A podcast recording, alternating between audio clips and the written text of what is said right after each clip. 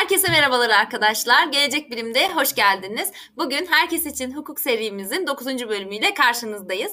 Bugün sizlerle sizlere mülteci hukukunu anlatacağız. Mülteci hukukunu, mülteci haklarını ve mültecilerle alakalı iç düzenlemelerimizi konuşmak için konuğumuz bugün avukat Dilruba Begüm Karatepe, Kartepe.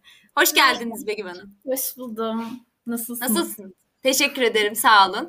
İyiyiz. Siz gördük. Daha iyi olduk. Sizler nasılsınız? Bizler deyiz. Teşekkür ederiz. Ben kısaca sizden bahsedeyim. Ee, Begüm Hanım dok- e, Gazi Üniversitesi Hukuk Fakültesi mezunu. Yüksek lisans yapıyormuş şu anda 9 Eylül Üniversitesi Hukuk Fakültesi'nde kamu hukuk alanında. Ve aynı zamanda e, Ankara'da serbest avukatlık yapmakta. Tabii bu konuda mülteci hakları, mülteci hukuk alanında da çalışmaları var. Kendinizden kısaca bir bahsetmek ister misiniz? Takdiminiz için teşekkür ederim öncelikle. Ee, bahsettiğiniz gibi kendi e, bürom var ve serbest olarak çalışıyorum ama e, bu çalışmanın yanında STK'larla birlikte e, gönüllü olarak da mülteci hukuku alanında bir takım çalışmalar e, sağlıyoruz.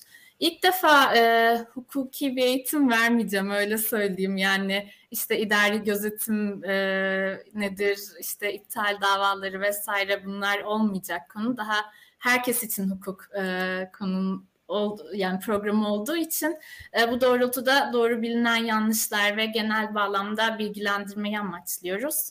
E, umarım keyifli geçer. Bakalım güzel geçeceğini tahmin ediyorum. Çünkü çok güzel güler yüzlü birisiniz. Ee, şimdi başlayalım yavaştan. Hatta başlamadan önce bunun bir hukuki danışmanlık hizmeti olmadığını, özel durumları için kişilerin avukata danışması gerektiğini, şimdi sadece herkese bu konuda genel bilgi verecek bilgiler paylaşacağımızı da belirtelim. Ee, o zaman açılışı nasıl yapalım? Uluslararası koruma nedir? Başlığıyla başlayabiliriz. Evet, uluslararası koruma nedir? Yani uluslararası koruma, e, kişilerin temel hak ve özgürlükleriyle fiziksel güvenliklerinin korunması, güvence altına alınması, esas olarak her ne kadar vatandaşları oldukları devletin sorumluluğunda olsa da devletler tarih boyunca bu temel hak ve özgürlükleri ya koruyamıyorlar e, ya korumak istemiyorlar ve bu sebeple devletlerin kendi vatandaşlarını korumadıkları ya da koruyamadıkları durumda üçüncü devletler ile ulusal uluslararası örgütlerin sorumluluğu gündeme geliyor ve buna genel kapsamıyla uluslararası koruma diyoruz. Bunları ne? Evet. Ha, evet. Kusura bakmayın. Yok estağfurullah. Ee, uluslararası e, korumanın da e, çeşitleri var. E, bunlardan de, e, Devam de... edelim. Peki. Mesela bunların e, içerisinde e, anladığım kadarıyla uluslararası koruma bir kişinin e, hedef ülkeye gidene kadar üzerinde bulunduğu transit ülkelerdeki bir şeyleriydi. Neydi bu hedef ülke, transit ülke? Bunlar kanundaki tanımlar mıydı? E, doğrudan kanundaki tanımlar e, diye, diyemeyiz ama e, jargonda kullanılıyor diyebiliriz sanırım e, hedef ülke e, uluslararası koruma kapsamında bundan faydalanmak isteyen kişinin varmak istediği ülke adı üstünde. E, kaynak ülke e, bir işte krizin e, çıktığı veya uluslararası korumaya sebebiyet veren e, olayın e, gerçekleştiği ülke. E, ve e, transit ülke dediğimiz e, ülke de var. Bu da nedir? E, Mesela Türkiye jeopolitik konumuyla transit ülkedir. E, yani e, geçiş ülkesidir. E, üçüncü bir devlete yerleştirilene kadar.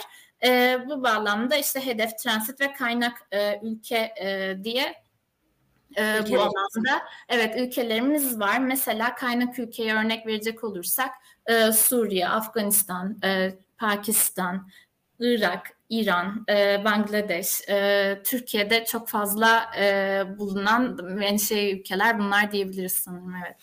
Anladım. Peki o halde uluslararası koruma e, kaynak ülkelerden çıkan kişilerin e, transit ülkelerden geçerek hedef ülkeye geçtikleri durumlarda meydana gelen, e, bu esnada meydana gelen ve işte kişilerin maruz kaldığı e, yasal çeşitli şeyler diyoruz. O halde şimdi bu yasal şeylere bir giriş yapalım. Mülteci hukukuna bir giriş yapalım sizlerle. Şimdi iki ana başlıkta inceleyebiliriz. Uluslararası hukuk ve iç hukuk e, şeklinde. Uluslararası hukukta bizim ana metnimiz 1951 Birleşmiş Milletler mültecilerin hukuki, hukuki statüsüne ilişkin e, Cenevre Sözleşmesi ve buna ek 1967'de gerçekleşen protokol. E, buna, bunun haricinde iç hukukumuzda başta e, 6458 sayılı yabancılar ve uluslararası koruma e, kanunumuz var. Buna ilişkin e, yönetmelikler var. Farklı kanunlarda yabancılara ilişkin düzenlemeler var e, yine ama e, ana metinler bunlar diyebiliriz. E, 1951 Birleşmiş Milletler e, Sözleşmesi, 1951 Sözleşmesi diye bahsedeceğim bundan sonra. İkinci Dünya Savaşı'nın e, etkilerinden dolayı ortaya çıkıyor ve e, deniyor ki 1 Ocak 1951'den önce meydana gelen olaylar sonucu ırk, din, e, tabiat, belli bir gruba mensubiyet veya siyasi düşünceleri yüzünden e, zulme uğrayacağından haklı sebeplerle korktuğu için veya haklı sebeplerin mevcudiyeti durumunda e, bulunduğu ülkenin e, korumasından faydalanamayan veya faydalanmak istemeyen e, kişi olarak e, tanımlanıyor mülteci ve e, tabiiyeti yoksa yani vatandaşlık bağı olmaya da biliyor e, bazı insanların. E, bu farklı sebeplerden dolayı ortaya çıkabiliyor. İşte e, İkinci Dünya Savaşı, devletlerin e, sınırların değişmesi vesaireyle veya e, vatandaşlık esasının soy bağına veya toprak esasına e, göre geçtiği durumlarda e, farklı farklı sebeplerle ortaya çıkabiliyor. Bu konulara çok fazla kafa karıştırmak istemiyorum. Tabiatı yoksa da önceden yaşadığı ülkeye dönemeyen kişi olarak e, tanımlanıyor. E, ve şimdi siz yani özür dilerim sözünüzü kesiyorum. Şimdi bizim ülkemizdekileri anlatmaya başlayacağız mı? Mesela bir, yoksa genel şu çerçeveyi çiziyorsunuz değil mi? Hı hı, genel çerçeveyi çiziyorum hı. şu anda. Yani e, 1951 e, sözleşmesinin e, amacı bağlamında. Hmm.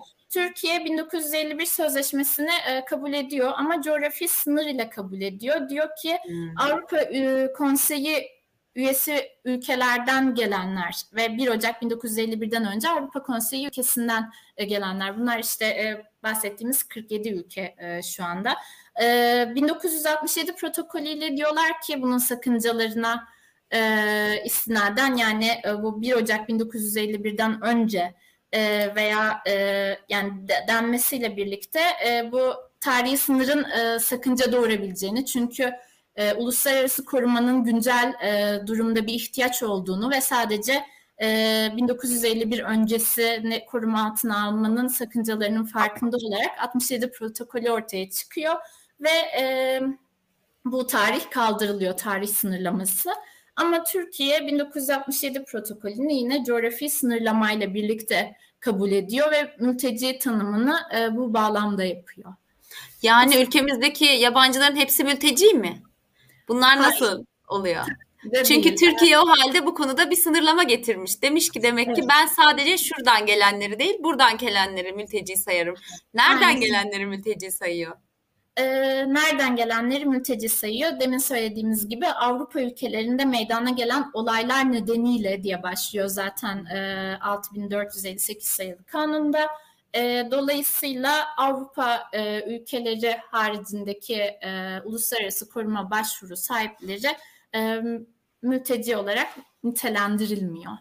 E, bu bağlamda kanunumuzda e, dört farklı tanım var mülteci, şartlı mülteci, ikinci ha. koruma ve geçici koruma diye bunlardan Ben de bunları soracaktım.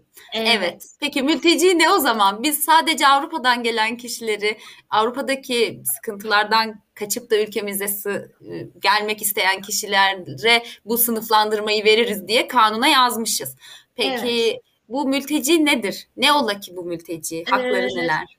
Tamamen e, şey 51 sözleşmesiyle e, paralel bir şekilde düzenlenmiş aslında kanun lafzı. Deniyor ki Avrupa ülkelerinde meydana gelen olaylar nedeniyle ırkı, dini, tabiatı, belli bir toplumsal gruba mensubiyeti veya siyasi düşüncelerinden dolayı zulme uğrayacağından haklı sebeplerle korktuğu için vatandaşı olduğu ülkenin dışında bulunan ve bu ülkenin korumasından yararlanamayan ya da söz konusu korku nedeniyle yararlanmak istemeyen yabancıya veya bu tür olaylar sonucu önceden yaşadığı ikamet ülkesinin dışında bulunan oraya dönemeyen veya söz konusu korku nedeniyle dönmek istemeyen vatansız kişiye statü belirleme işlemleri sonrasında mülteci statüsü verilir e, deniyor. Yani burada e, Cenevre Sözleşmesi'nden 1951 Sözleşmesi'nden tek fark doğrudan Avrupa ülkeleri e, demiş olması ve e, görüldüğü üzere yani veya duyulduğu üzere herhangi bir e, tarihi e, sınır e, da belirtilmemiş durumda.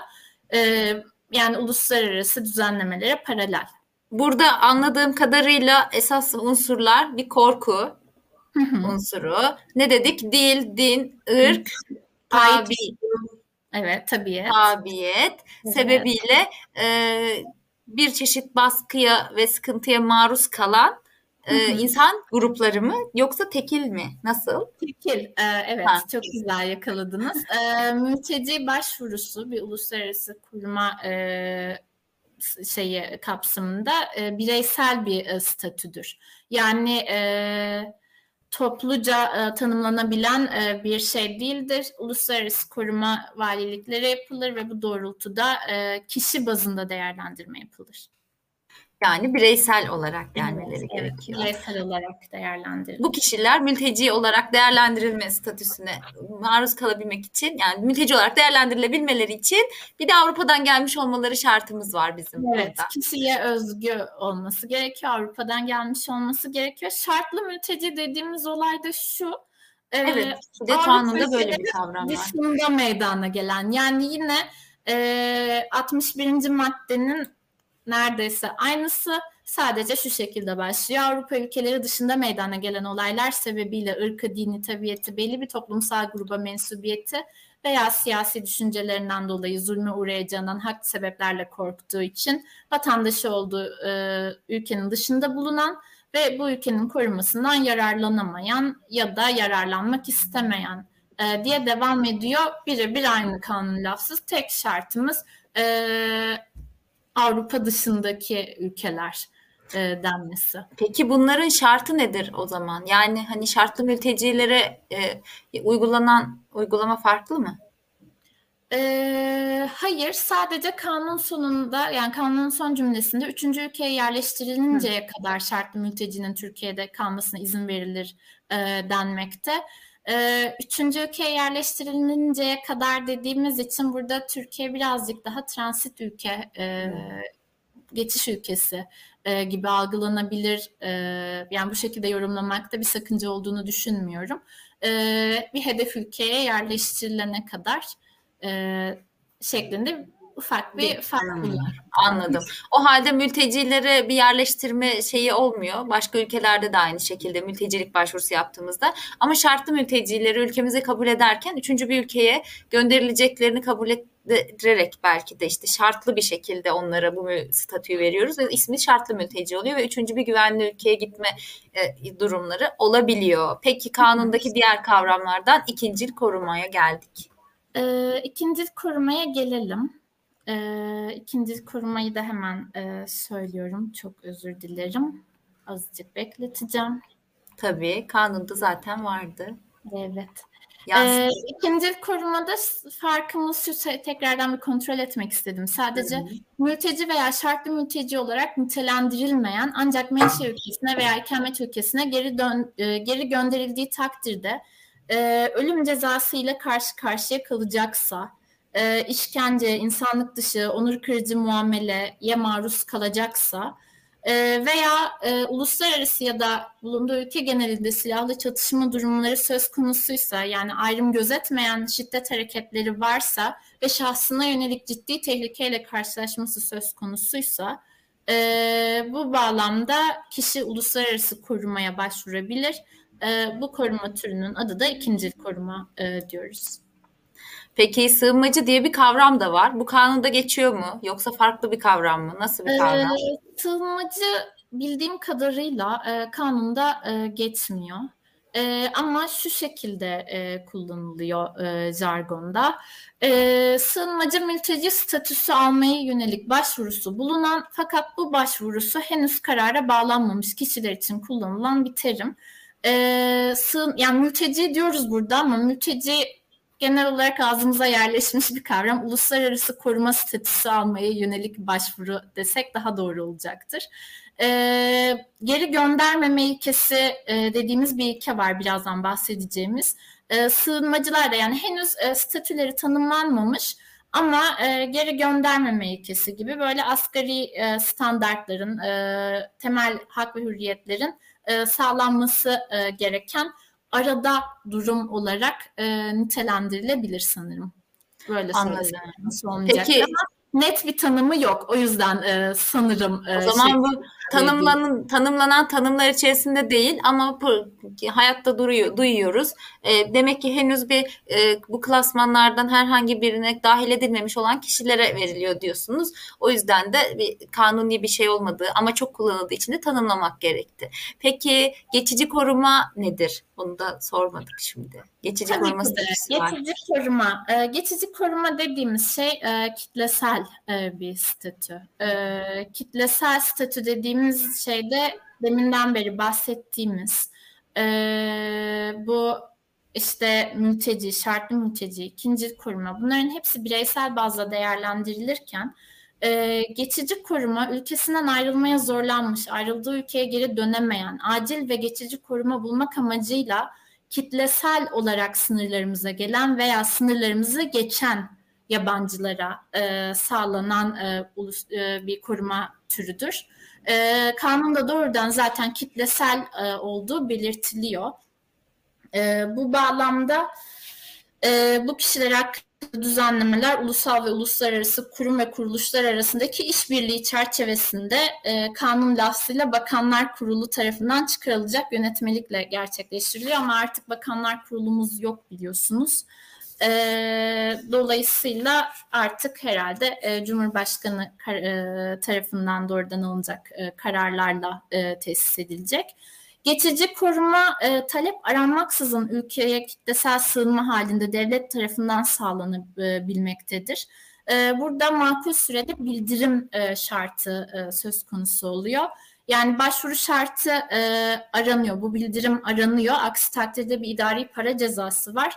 Ama e, doğrudan e, bizim anladığımız bağlamda yani mültecilerde veya işte ikinci korumada olduğu gibi e, prosedür birebir aynı değil başvuru ve talep konusunda. Bu geçici koruma dediğimiz o halde şu anda çok fazla gördüğümüz kitlesel bir grup halinde gelip sınırın kapısında bekleyen insan gruplarına verilen hatta belki onlar için açılan o sınır kenarlarındaki şeylerle yapılan çeşitli koruma uygulamaya çalıştığımız şeyler oluyor o halde. Evet, e, onlar evet. peki topluca mı başvuruyorlar? Tek tek mi acaba nasıl oluyor? Ben bilmiyorum. Ne oluyor mesela? e, bunu demin e, söylediğim gibi vaktil yani 2010 e, 2014'te hala daha bakanlar e, kurulumuz varken e, 20, e, 22 Ekim 2014 tarihli olması lazım yönetmelik tarihini yanlış hatırlamıyorsam. E, bu yönetmelikle e, 28 Nisan 2011 tarihinden itibaren Türkiye'ye gelen Suriye vatandaşları ve Suriye'den gelen vatansız kişiler hakkında geçici koruma kararı tesis edilecek deniyor ve e, bu doğrultuda e, Suriye'den geldiği tespit edilen e, kişilere e, geçici koruma statüsü kitlesel bağlamda veriliyor. Yani Ahmet, Mehmet, Ayşe bazında e, bireysel bir değerlendirme yapılmadan e, Suriye'den geldikleri tespit edildiği takdirde bu kişilere geçici koruma statüsü veriliyor. Bu arada anladığım bir şey oldu. O halde bundan önceki statülerin hepsi kişiler ülkeye bir şekilde giriş yaptıktan sonra bireysel başvurularıyla yani tek başlarına gidip valiliğe başvurarak ya da il yetkili makamlara başvurarak yaptıkları, e, girmek istedikleri şeyler. Ama geçici koruma statüsünde ülkeye bir giriş olduğunu fark eden yetkili makamlar burada kitlesel bir giriş var ve bu kitleye biz geçici koruma vereceğiz şeklinde karar evet. veriyor. Anladım. Bu arada aklıma örnek bir mahkeme kararı geldi şeyle ilgili. Türkiye'nin sadece Avrupa'dan gelenleri mülteci saymasıyla alakalı e, Avrupa İnsan Hakları Mahkemesi'ne İran'dan Türkiye'ye sığınmak isteyen bir kişi dava açıyor. Belki siz biliyorsunuzdur uygulamadan. Biz okuldaki şeyden hatırlıyorum. MEHUK dersi bilgilerimizden. Ee, bu dava sonucunda Avrupa İnsan Hakları Mahkemesi'nin kararında da şöyle bir şey geçiyordu diye hatırlıyorum. Ee, Türkiye'nin ülkesi içerisinde e, böyle bir çekince koymaya hakkı vardır. Çünkü ülkeler kendi toprakları içerisinde işte münhasır kendi yetkilerine sahip olduklarından dolayı e, böyle bir çekince koyabilir. Yani İran'dan Türkiye'ye bir şekilde girmiş olan kişiye e, mülteci değil şartlı mülteci yani sen üçüncü ülkeye gidene kadar benim ülkemde güvende kalabilirsin e, statüsü vermesi ülkenin de kendi toprakları üzerindeki bir hakkıdır diye Avrupa İnsan Hakları Mahkemesi bizim böyle şeyimizi kabul etmiş diye hatırlıyorum. Evet çok güzel bir konuya değindiniz. Yani bu konuda devletlerin takdir marjı dediğimiz e, bir e, şey var. E, karar verme yetkisi var. Yani uluslararası hukuktaki işte e, genel ilkeler, prensipler, e, asgari düzey diyelim e, anlaşılabilmesi açısından. Bunlar sağlandık takdirde e, bunların ne şekilde sağlandığı takdir marjı içerisinde e, devletlerin egemenlikleri e, kapsamında e, gerçekleşmekte. Bunlar e, tanınmakta yani haliyle.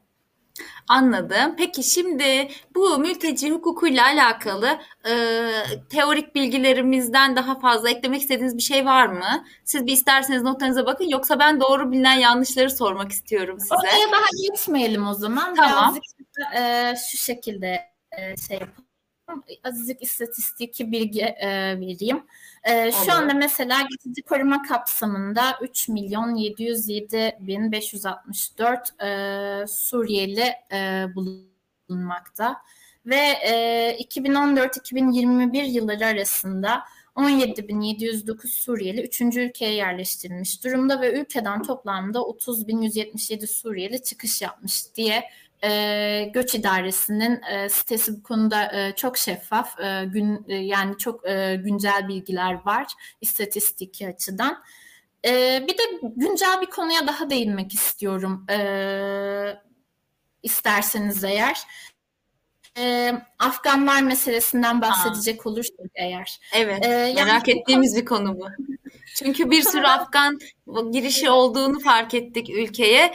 Peki bunlar hangi statüye girecek? Dediğiniz üzere Suriyeliler hakkında e, geçici koruma statüsü verilmiş bir karar alınmış. Afganlarla alakalı durum nedir? Bu konuda hukuki bir şey var mı?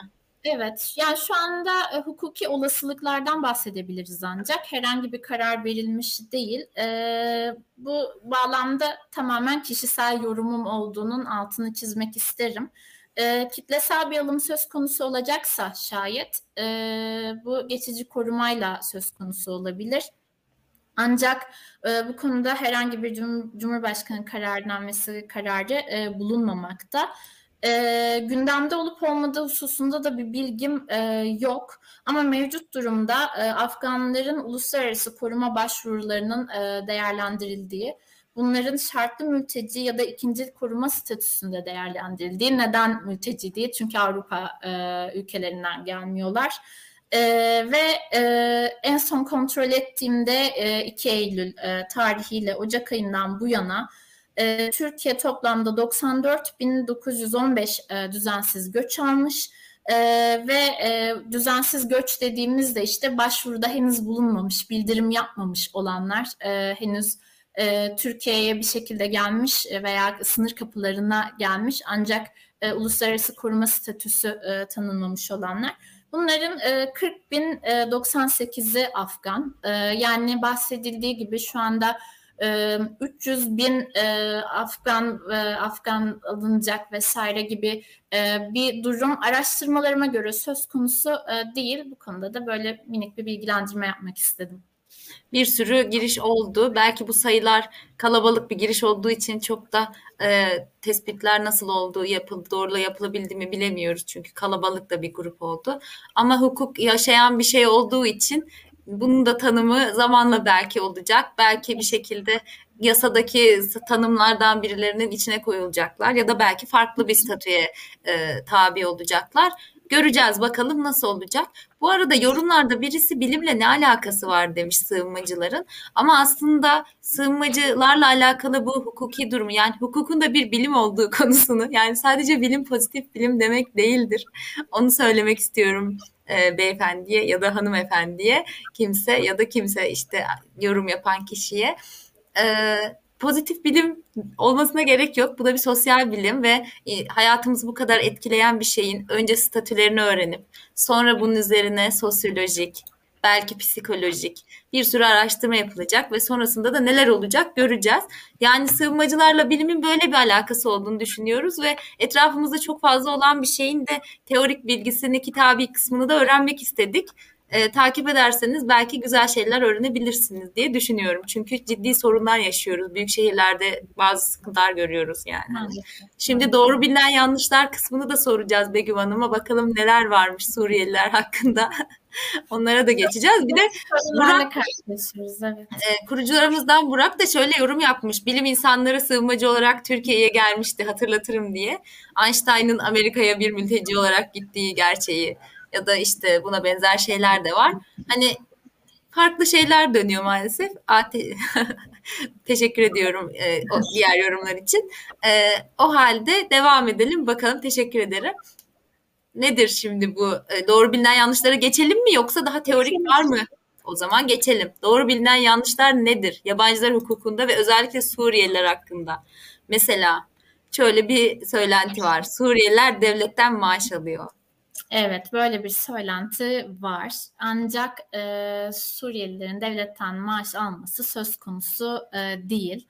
E, şöyle bir e, şey var, e, sosyal uyum yardımı dediğimiz bir yardım var. Bu Avrupa Birliği tarafından finanse edilmekte tamamen ve şu anda e, 155 e, lira.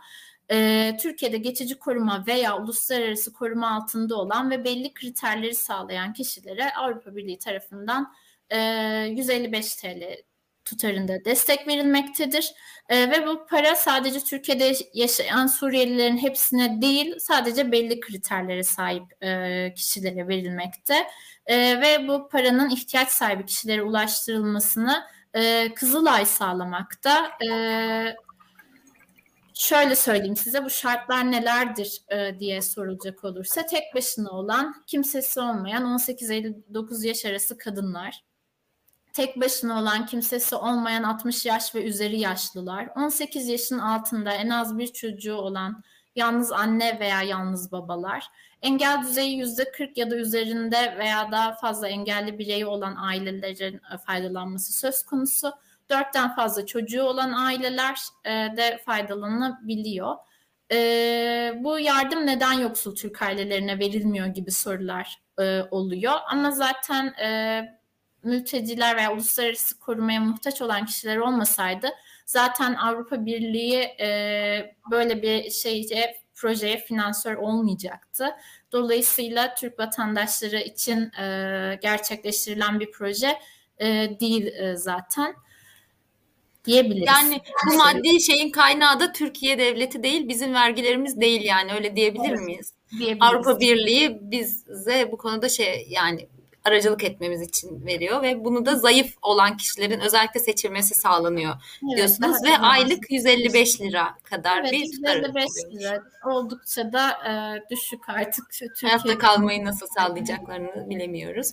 Peki tamam aylık 155 lira alanları var ve buna e, muhtaç olacak durumda olanları da var ama Suriyeliler istedikleri yerde çalışıyor gibi. Çalışabiliyorlar mı? Hayır, tabii ki de istedikleri yerde çalışamıyorlar. Ee, öncelikli olarak çalışma izni almaları gerekiyor. Bu da uluslararası koruma başvurusu e, yani daha doğrusu geçici koruma başvurusundan 6 ay sonra gerçekleşebiliyor. Ancak bu 6 aylık e, süreçten e, sonra e, işletmeci yani işveren tarafından e, bir başvuru yapılması gerekiyor.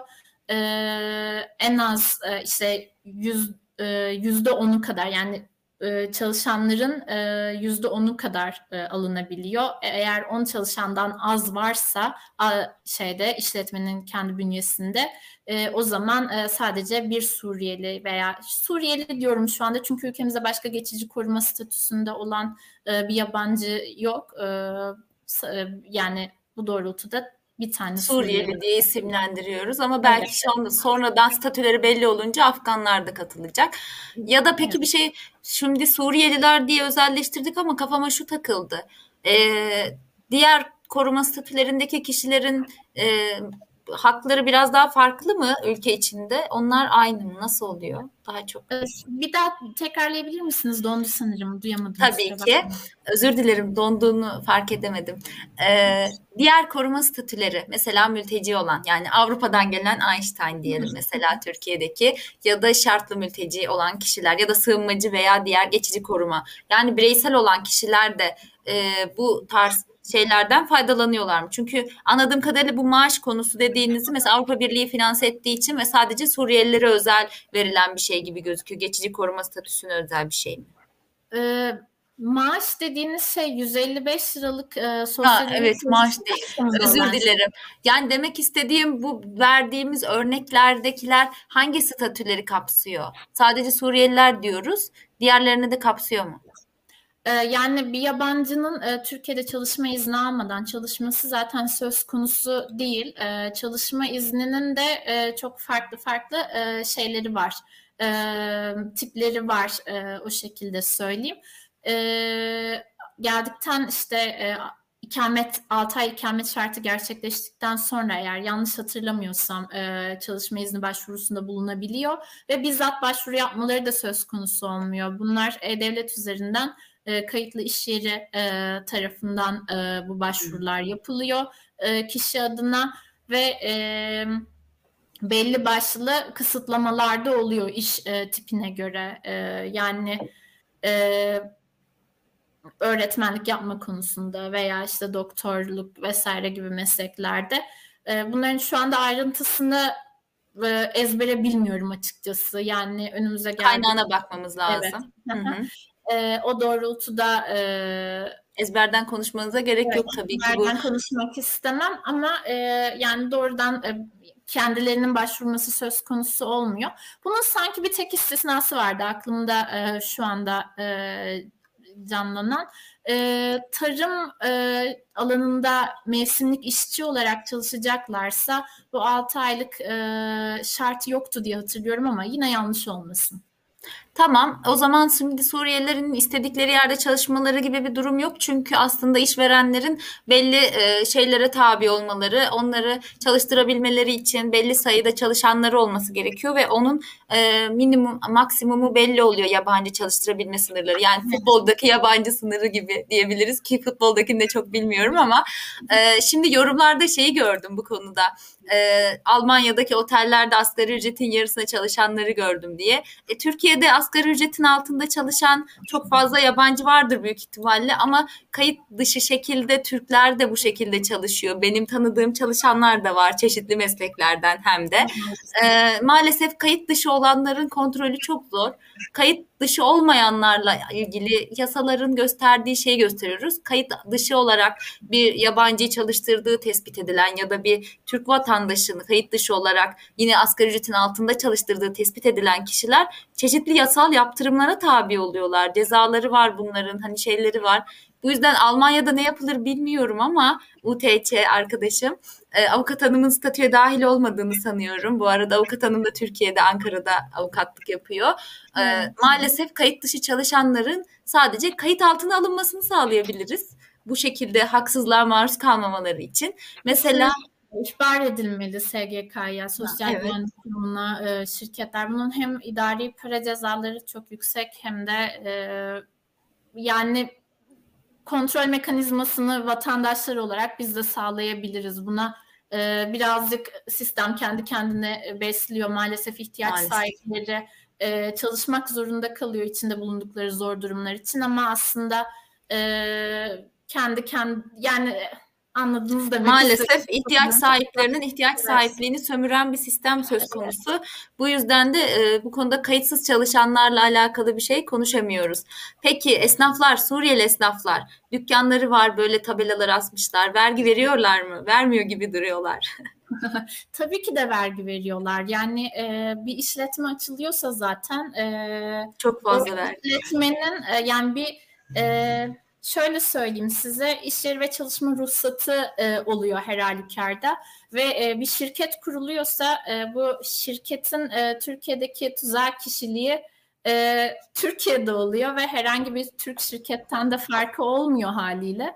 Dolayısıyla vergi vermemeleri asla söz konusu e, değil. yine e, yani vergi kaçakçılığı hariç diyebiliriz uygulamada. E, ancak bu e, Türk vatandaşları için de söz konusu olabiliyor maalesef. Maalesef söz konusu olabiliyor ama bir tabela astığınızda belediye tabelanın vergisini almak için kapınıza geliyor. Bunu Tabii söylemek ki. istiyorum. Evet. Aynen öyle ve e, yabancı e, bir tabela olduğu zaman, yabancı şey içerikli olduğu zaman bunun ayrıca bir ücretlendirmesi oluyor e, gibi gibi kıstaslar var veya e, ne bileyim Türkçe haricinde yabancı e, dille bir tabelada bir şey yazacaksa bunun yüzde 25 daha küçük olması gerekiyor gibi böyle hmm. neyse, farklı konular ama çeşitli kurallar ve yaptırımlar orada da var. Bunların evet. da ayrı vergileri var diyorsunuz. Evet, evet, evet. vergi vergiyle ilgili merak ettiklerinizi öğrenmek için de vergi hukuku yayınımızı izleyebilirsiniz. Büşra Hanım gitti sanırım. Düştü. Ee, devam edecek olursak o zaman. Ee... ben düştüm. Çok özür dilerim. Sorun değil. Ben bir sonraki soruya geçecektim. Buyurun geçin siz. Evet ben düştüm birden yayından. Vergi hukuku yayınımızın reklamını yapıyordum. Rütük buraya da el atmış olabilir. Suriyeliler istediği üniversiteye sınavsız girebiliyorlar mı? Hayır giremiyorlar. Nasıl ee, giremiyor? yani birincisi e, yabancı öğrenci sınavı dediğimiz YÖS var. E, bu YÖS e, YÖS'e yine girmek durumundalar. E, ve özel üniversiteye e, girmek e, durum e, girmek istiyorlarsa da yine özel üniversitelerinde kendi belirledikleri şartlar e, yine mevcut. E, ve her üniversitenin zaten e, YÖK tarafından belirlenmiş bir e, yabancı öğrenci kontenjanı var. E, ve bizim için birincil öğretimler ücretsizken, e, ikincil öğretimler ücretliyken e, nispeten e, yabancı öğrenciler için tamamı e, ücretli oluyor bu doğrultuda. Dolayısıyla e, yani Suriyeliler herhangi bir yabancı öğrenci e, gibi değerlendiriliyor demekte bir e, sakınca görmüyorum her okulunda yabancı öğrenci kontenjanı farklı oluyor. Şimdi ben bu konuda soru gelebilir o aklıma geldi. Sanırım yakın zamanda sizin yüksek lisans 9 Eylül öyle bir yabancı öğrenci kontenjanını arttırmaya mı gitti? Öyle bir şey oldu. İzmir'deki bir üniversite. Ama demek ki sınavdan puan alanlarla alakalı bir şey bu. Evet olabilir. Hmm. İnanın çok fazla bilgim yok o yüzden. Anladım. Tabii. Şimdi peki böyle bir de hastanede gidiyoruz. Annem de geçenlerde bahsetti. Sıra beklerken yabancı isimli birisi benden sonra geldi önüme geçti dedi. Suriyeliler hastanede sıra beklemiyor diye bir dedikodu var. Ee, Suriyeliler tabii ki de hastanede sıra bekliyorlar. Sadece hastanelerde e, öncelikli olan e, gruplar var. Bunlar e, acil e, statüde bulunanlar haricinde işte 65 yaş üstü hastalar, 7 yaşından küçük çocuklar, e, acil vakalar, hamileler, e, engelli bireyler, e, hizmetteki askeri personel e, ve şehit yakınları, gazi yakınları gaz ve gaziler. E, bunlar öncelikli gruplar. Bunlar haricinde Suriyeliler de e, sıra bekliyorlar. Herhangi bir öncelik e, tanımlanmış değil. Ee, hmm. Bir önceki soruya istinaden aklıma bir şey geldi. Ee, bu e, istedikleri üniversitede okumalarına ilişkin. Ee, şey de deniyor, tamamen ücretsiz okunuyor, hepsine burs veriliyor vesaire gibi şeyler de söyleniyor. Ama e, o konuda da şunu söyleyebilirim, birazcık bir araştırma e, yaptım öncesinde. E, nasıl Amerika'da Fulbright e, gibi e, burs, e, yani doğrudan e, devlet tarafından verilen burslar varsa ee, bizde de Türkiye bursu diye bir şey varmış yabancılara verilen. Ee, ben hmm. bunu yeni öğrendim bu yayın için hazırlanırken. Ve e, Türkiye bursu sadece Suriyelilere sağlanan e, bir burs da değil, e, bir sürü yabancıya sağlanan e, bir burs. E, sıkı şartları da var. E, bunların e, sağlanabilmesi için bir eleme süreci var. Ve e, Suriyeliler bayağı azınlıkta kalıyor aslında bu bursa kazananlar e, arasında. Hmm. Enteresan. E, Fulbright'ı duyuyoruz. Twinning diye bir burs var. Başvurduğu arkadaşlarımın. Fulbright'lı arkadaşlarım da var bu arada ama Türkiye bursuna başvuranlarla arkadaşlık edinmediğimiz için belki de haberimiz yok. Peki e, Suriyelilerin elektrik su faturaları Ödüyorlar mı? Nasıl oluyor bu? Ya e, bu konuda bir sosyal medyada şey oldu, bayağı bir e, sansasyon oldu, ödemiyorlarmış vesaire diye. Bunun e, kaynağı da işte e, bir e, geçici koruma kapsamında olup olmadığını bile bilmiyorum ama bir Suriye vatandaşının e, su faturasının e, fotoğrafını çekmişler. İşte bedel tahsil edilmemektedir e, yazıyor. Hmm. Ama e, asıl kısmı e, karalayarak paylaşmışlar. Biraz manipülatif bir paylaşım olmuş. E, 3 metreküpün altında daki e, kullanımlar zaten ücretlendirilmiyormuş e, su faturalarında. Hmm. E, dolayısıyla su, elektrik ve doğalgaz faturası ödüyorlar.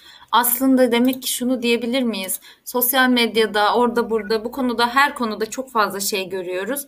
E bu gördüklerimize e, bir gaza gelip heyecanlanıp inanmadan önce bir araştırma yapmak, küçük bir okuma yapmak gerekli. Her konuda olduğu gibi bu konuda da bizi gaza getirecek, e, çeşitli gruplara sinirlendirecek şeyler yapılabiliyor. Kötü niyetli oluyor bazen insanlar. Bazen olmayabiliyor. Yani, abonelik süreçleri bizden farklı değil. E, doğrudan abonelik. Klasik yani. su aboneliği yani. Peki e, bir de şöyle bir mevzu var. Bildiğim kadarıyla zaten yabancılara yabancı kimlik numarasıyla kimlik veriliyor. 99'da başlayan yabancı kimlik numaraları oluyor. Bunların 5 yıl sonra Türk vatandaşı olduğu söyleniyor. Çünkü başka ülkelere giden arkadaşlarım biliyorum 5 yıl sonra o ülkenin vatandaşlığına geçebiliyorlar. Bazı ülkelerin böyle kanunları var. Bizde de sanırım böyle e, yabancılarla ilgili bir şey var. Suriyeliler olacak mı 5 yıl sonra vatandaş? Suriyeliler 5 yıl sonra vatandaş olmayacaklar. Ee, Neden?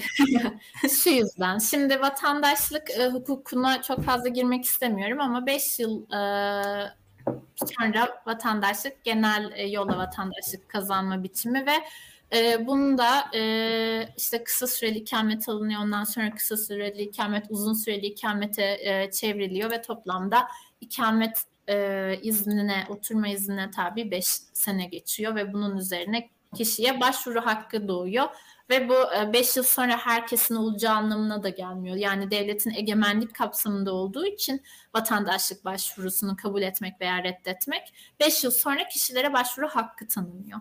Ama e, Suriyeliler için bu söz konusu değil. Neden? Çünkü kanun lafzı açık. Geçici koruma.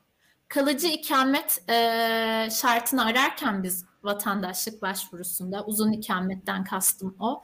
E, geçici korumada adı üstünde geçicilik söz konusu. Yani krizi atlatana kadar sizi burada tutuyoruz.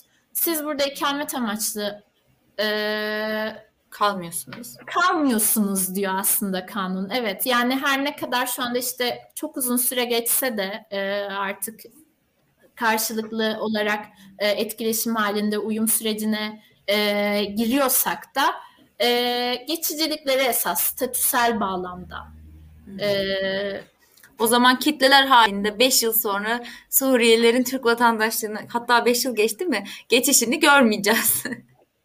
E, evet evet yani şöyle e, geçici koruma statüsü bir şey gördüm fakat vatandaşlık verilenler var çokça bizzat Cumhurbaşkanı ha. tarafından açıklandı dendi. Evet var. Evet. E, bunlar nasıl oluyor? E, Cumhurbaşkanlığı Siz evet. daha iyi bilirsiniz. Yok yok estağfurullah. 28 ee, Nisan 2011 e, tarihi e, sonrasında gelenler e, geçici koruma kapsamına alındı. Ancak bundan ön, bundan öncesinde Türkiye'ye gelen Suriyeliler de vardı.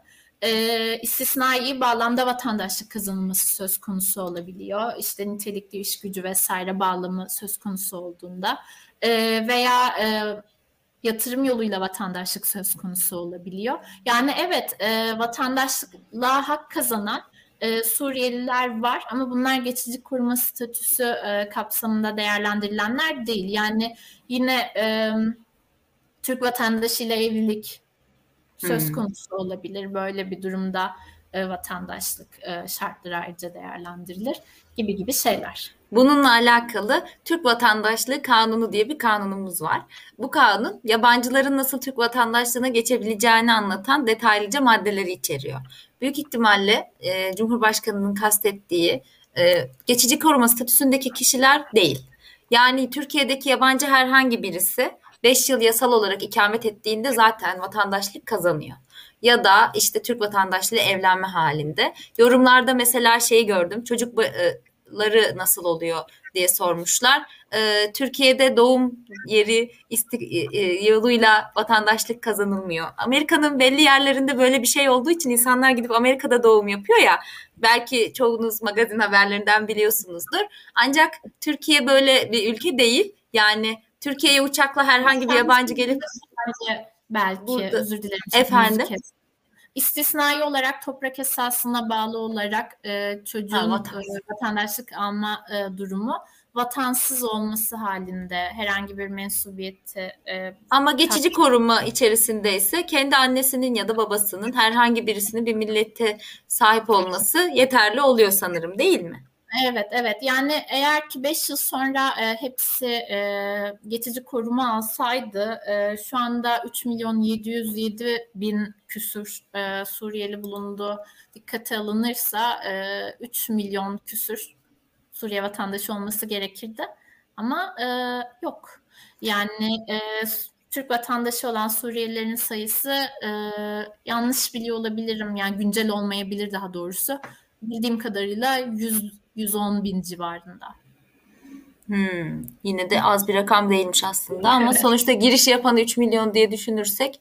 e, peki bu Türk, şimdi Suriyelilerin seçimde oy kullanacağına dair bir şey var. Tabii kendilerine ait bir kimlikleri olduğu için de. e, Türk vatandaşı olmayan birisi nasıl oy kullanacak? Kullanabiliyormuş şimdi Suriyeliler. Hayır, oy kullanabilmenin e, bir e, şartı var. O da e, Türk vatandaşı olmak, 18 yaşını doldurmak ve Türk vatandaşı olmak. Ve e, Türk vatandaşı olan Suriye asıllı kişiler Türk vatandaşlığına kabul edildikten sonraki bir, bir yıl içerisinde gerçekleştirilen seçimlere de e, katılamazlar.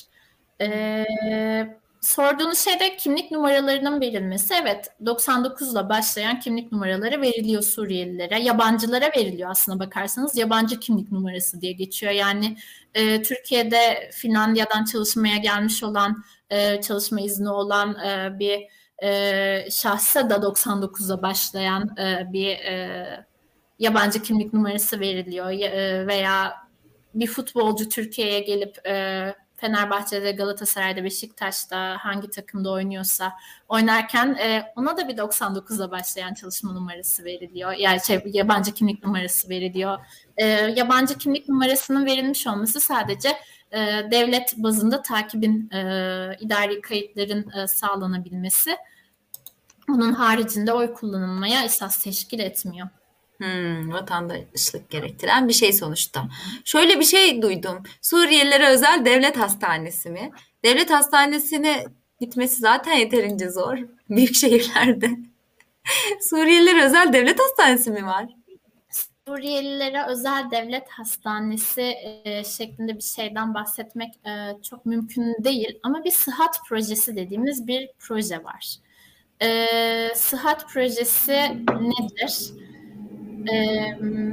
Hemen söyleyeceğim size bir şey. Bu yine kesin Avrupa Birliği'nin falan bir projesi mi? Evet, Onların evet. yaptığı bir şey gibi duruyor. Evet Aynen belli.